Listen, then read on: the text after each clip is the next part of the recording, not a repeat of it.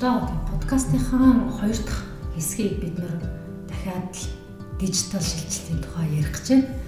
За түрүүний дугаартаа бид нэр та яагаад сурах ёстой вэ гэдгийг сэдвийг хөндөжсэн. Тэгээд энэ удаагийнхаа Empasoft подкастаар бид Empasoft компани бизнес хөгжлийн менежер бэлгүүнийг урьж оролцуулсан юм аа. За сайн байцгаана уу. Тэгээ Empasoft компани бизнес хөгжил хөгжлийн менежер бэлгэн байна. Нийт сонсогчдоо энэ өдрийн мэнд хүргээрье. Дижитал шилжилтийг бидэнтэй хамт бид хэлбэрчлэн. За бэлгэн сүүлийн хугацаанд ер нь жижиг дунд бизнес эрхлэгчдэд зориулаад дижитал шилжилтийг одоо хийх ажлыг гардаж зохион байгуулж байгаа. Сүүлийн эдэн сар маш олон компанитай уулзсан технологийн дэвшлиг өөрсдийнхөө үйл ажиллагаанд ашиглахыг зорьсон олон компанид тусалж аваад тусалсаар ирсэн. Тэгээд Empasoft компани 2020 оны төлөвлөгөөнд бас жижиг дунд бизнес эрхлэгчд рүүгээ нэлийн хандсан үйл ажиллагаа явуулж байгаа. Тэгээд бэлгүүнээс би нэг асуулт асуумаар байна л да. А ер нь бизнес эрхлэгч хүн дижитал шилжилтийг өнөөдөр юу гэж ойлгож байна? За энэ нь бол яг миний харж байгаагаар нэг яг тэр удирдлагын технологийн мэдлэгтэй 100 холбоотой байдаг. За ерөнхийдөө жижиг дунд бизнесийн байгууллагад одоо технологийн салбарын байгууллагын захирлуудтай уулзаад ярихад за өөрсдөө технологийнхоо талаар өөрийнхөө хүслээр тодорхой судалсан.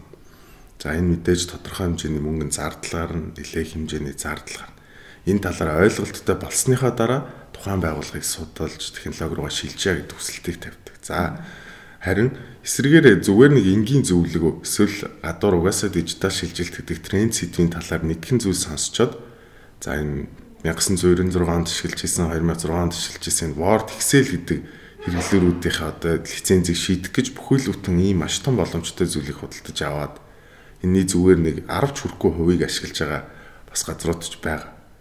Тэгэхээр ерөнхийдөө захирлууд болон яг мэдээлэл технологи хариуцсан хүмүүс маань өөрсдөө эхлээд энийг сонирхоод үзээсэй.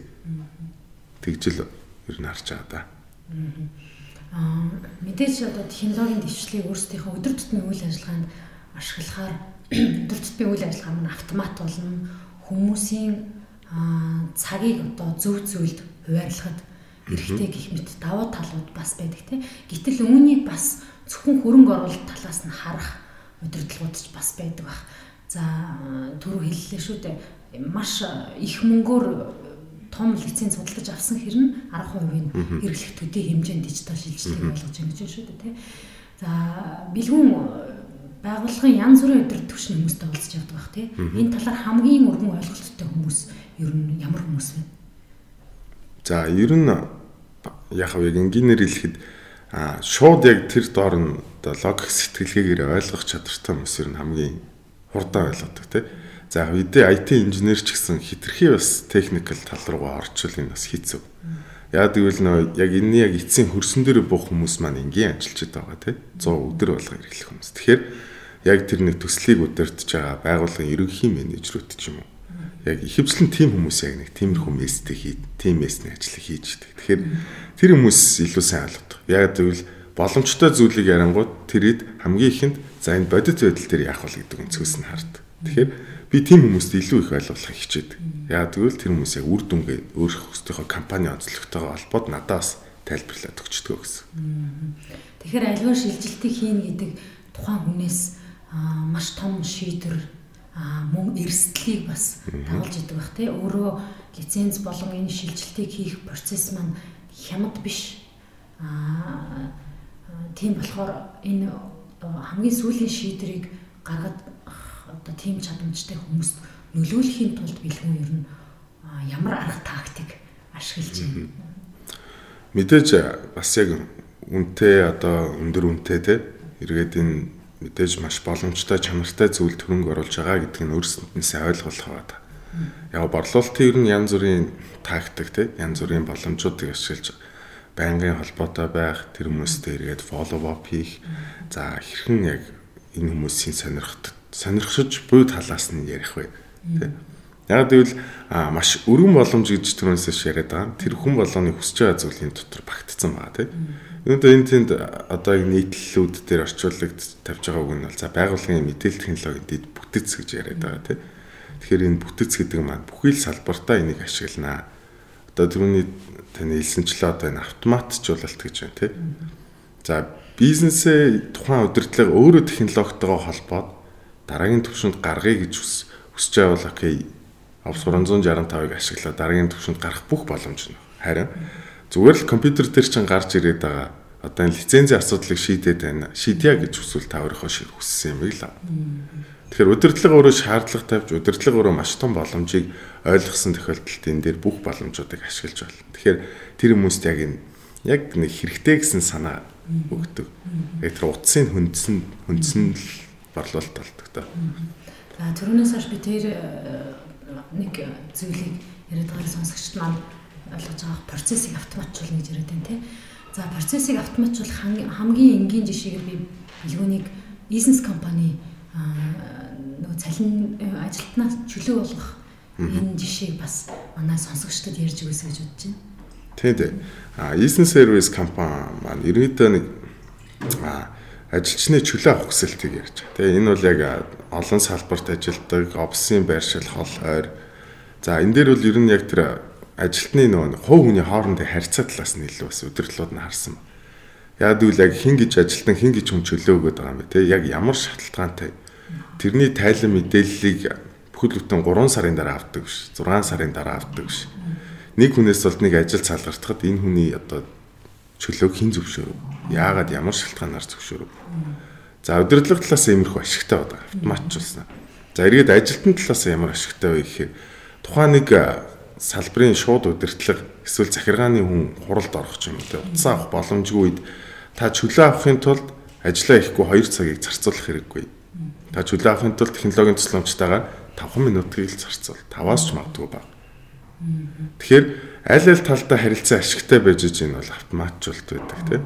Тэгээд бас а бизнес орчинд ямар нэгэн заашгүй механик байх зүйлүүд бас байдаг. Тэгэхээр а энийг сонсож байгаа сонсогчид удирдлагын төвшний хүмүүсээ л эхлээд яг энэ процессыг автоматжуулснаар ямар ашигтай байх вэ гэдгийг нэг бодож үзээд тэгээд технологитой бүгдийг холбож болох нийгэмд одоо амьдарч байгаа шүү дээ. Тэгэхээр бүгдийг холбол боломжтой. Сонсогчтой хандж хэлэхэд Басофт бид э, дээрх одоо төрөв бэлгэн хоёрын дурдж байгаа лицензүүдийг нийлүүлэхээс гадна саяын процессыг автоматжуулах тий чөлөө авах хүсэлтийг автомат болгохын хөгжүүлэлтийг бас хийж өгдөг байгаа.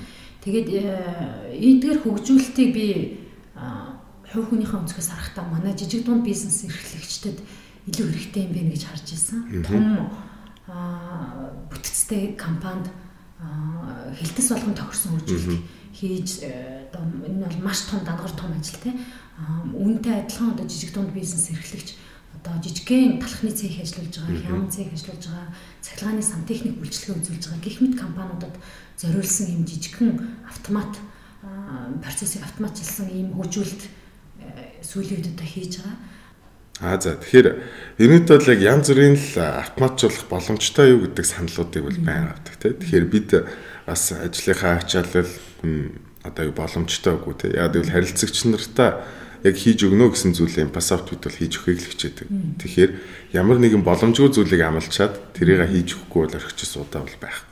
Тэгэхээр эхний ээлжинд бүх зохиол буюу яг тэр үйл явц маань ямар болдгийг бичиж аваад за яг энэ ийм үйл явц болт юм байна. Энийний процессыг зураад технологи дээр бид нэр өөрсдөө нэг туршиж үзээд 100 ажилласны дараа та хэдийн бүтээгдэхүүн бэлэн боллоо гэж гарч ирдэг.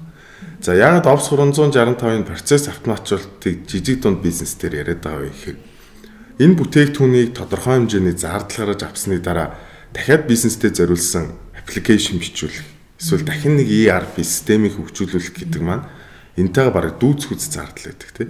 Тэгэхэд энэ бэлэн платформ дээр ингээд өгөгдлийн нөхцөн энэ дээр маш бага хэмжээний одоо хөгжүүлэлтийг хийгээд өөрсдийн гэсэн хям зардлаар гол нь ямар нэгэн юмд баригдахгүй гэдэг нь онцлог байгаа даа. Тэгэхээр яг нэг цахилгааны компаниас надад нэг санал ирж ирсэн. Аа манай ажилчид ингээд яг яг талбар дээр нь очиод харахаар ингээд усуучаад ирлээ. Аа нэг цайнд гарчаад ирлээ гэж ирж идэг те. Тэгээд бэлгүүнээ миний дүү чи надад нэг ингээд байршил тогтоочоо ингээд холбоод өгөө. Энэ хүмүүс ингээд утасныхаа байршил тогтоогчийг асаахаар би эндээс ингээд хараал байжий гэдэг чинь. Тэгэхээр би за уучлаарай. Яг үндэ бол одоогоор яг манад ийм хийсэн кейс алгаа. Тэгэхээр би таны зүйлүүдийг ингээд инженерүүдээс асууя. Бид нэр судалж үзээд үнэхээр танд яг гол нь үр дүнгээл үзүүлжээвэл бид нэр аль аль талдаа ашигтай тийм байх учраас за ингээд хараад тантай эргээд холбогдъё гэдгсэн. Тэгээ одоо яг дөнгөж өчигдөрхөн уулзаад ирсэн болохоор одоогоор манай инженерүүд тэрийг судлаад байж байгаа. Манай бэлгүүн бас эдгээр бодлолт бол уулзалт хийхээс гадна байгууллагуудын яг энэ талбар дээр энэ лицензтэй өдөр тутмын үйл ажиллагаагаа технологийн дэвшлиг ашиглаад хэрэгжилж байгаа хүмүүс зориулсан сургалтыг явуулдаг. Тэгээ одоогоор 400 төгрөг сургалт хийгээд өчгсөн байгаа. Тэгээ сургалт ер нь одоо энэ олон хүнд өгөөд өгсний дараагаар ер нь энэ хүмүүсийн чиг хандлага ямар санагдаж байна? За ер нь эхлээд яг нэг суралцагч маань ямар байх вэ те? Яг сууж байгаа хүмүүсийн хандлага ер нь ямар байгаа вэ гэхээр а яг энэ Office 365-ын доторх хэрэглэр бол ихэнх нь мэддэг. Word, Excel, Outlook, PowerPoint те. За энэ сургалтын хөтөлбөрт маань юу гэдэг вэ гэхээр ерөнхийдөө эдгээр хэрэглэрүүдийг нэг яаж ашиглах вэ гэдгийг заадаг. Ягаад гэвэл энэ бол бидний анхаал компьютер дээр ороод нээж үздэг байсан зүйл. Тэгэхээр энийг хэрвээ мэрэгжлийн хэмжээнд суух гэвэл манай дээр бас мэрэгжлийн хэмжээнд суух боломжтой байдаг. Харин би болохоор илүү клауд тал руу одоо файлыг яаж клауд руу хадгалах вэ? Одоо энэ яаж яг энэ on premise хоёрыг хооронд нь холбох вэ тий? Танд яг аль нь ашигтай байх вэ? Харилцаа холбоог илүү боломжтой шийдэн ажиллаа төлөвлөж болно гэх мэтчлэн. За эдгээрийг заагаад өнгөт нөө мэдээж одоо яг ажил хийж байгаа хүмүүсийн технологитой ойрхон төвшин маань янз бүр байгаа тий. Одоо яг манай ээж аавын үеийн хүмүүс бас яг ажил хийгээд сууж байна. За бидний үеийн хүмүүс байгаа ч гэсэн одоо технологитой оддил ойр байдаг. За тэр хүмүүс сургалт ороход ерөнхийдөө ихэвчлэн эхний 10 20 минутыг таних үйл ажиллагаа явуулна тий. За компьютераас очих. За манайхаа ингээд ийшээ орчих гээд за тэр үедээ би ер нь өөрөө харддаг тэр хүний компьютероо маусаа хэрхэн хийж чинь за компьютертойгоо яаж харьцаж чинь тий. Тэгээд тэрний дараа за нэг 60-аас илүү хувь нь технологитойгоо нэг ойр биш хүмүүсээ л шат бүрчлэн аль болох ойлгуулахыг хичээдэг. Яг гэвэл бас бүхэл зүйл ерөнхийдөө одоо бизнесийн талбар дээр зардлуулж явж байгаа. Тэгэхээр тэр хүмүүс мэдээж ажлынхаа хүн цагийг зарцуулж миний сургалтанд суудаг болохоор бид тэр цаг болгоны одоо үр дүнтэй байгаасаа мэдлэг аваасаа гэж бодож байгаа. За тэгээд сургалтын яг энэ 365 сургалт ингээд дуусаад за нэг сар ч юм 2 сарын дараа яг үр дүнгээ нэг харна тийм мэдээж. Тэгэхээр яг тэр удирдлагууд дээр нь очиод асуунгууд за ерөнхийдөө эхний байсан ерөнхий хэсгийг бол бүгд маш сайн ойлгосон байдаг. За тэгвэл 4 цагийн сургалт бол эхний 2 цаг ерөнхийдөө ихэнх анхаарал төвлөрөө сайн байдаг. За яг ингээд тогтмол ийм сургалтын одоо нэг төсөл хэрэгжүүлээд одоо миний зөвөр бодлоор жижиг дунд байсан тухайн том компани байсан ч гэсэн яг энэ Ops 365-аас зориулсан баг гаргаад тэр баг маань үргэлж тэр сургалтаа апдейт хийгээд явдаг үл энэ яг хүссэн үр дүндээ хүрэх юм байна гэж боддог. За ерөнхийдөө ингээд өнөөдрийн энэ удаагийн подкаст маань өөр өндөрлж байна. Тэгээд жижиг дунд бизнес эрхлэгчид, хуваарай бизнес эрхлэгчид аа бизнесээ дараагийн түвшинд гаргах, борлуулалтаа дараагийн түвшинд нэмэгдүүлэх сонирхолтой компани, хувь хүн, Impassoft бидэнтэй хандхад бид бол э, нээлттэй чөлөөтэй. Та бүхэнд очиж э, уулзалт хийж өгнө. За хүсвэл зарим нэг сургалтыг дөнгөн орж боломжтой байгаа тийм. Тэгэхээр ер нь технологийн шийдэл одоо дэлхийн зах зээл дээр технологи технологийн дотоодын нийт бүтээгдэхүүнд эзлэх хүн 15.5-аас 25% байгаа тийм. За Монголд бол яг 2019 оны судалгаагаар 2.2-аас 4% байх жишээтэй тий. Тэгэхээр ирээдүйн чиг хандлага бол яг энийг айлгээд байгаа юм ба тий. Бид хэдий хоцорж яваач гэсэн бид зогсохгүй тий. Мөнхөд өсөлттэй байх болно. Тэгэхээр та дараагийн түвшинд та ялж чиглэлийн бизнес хийдэг байсан дараагийн түвшинд гарахыг хүсвэл технологи тань 100 туслах болно гэдэг л хэлээ. За, хэрхэн сонсогчдоо баярлалаа. Дараагийн подкастаараа иргэн уулзцгаая. За баярлалаа.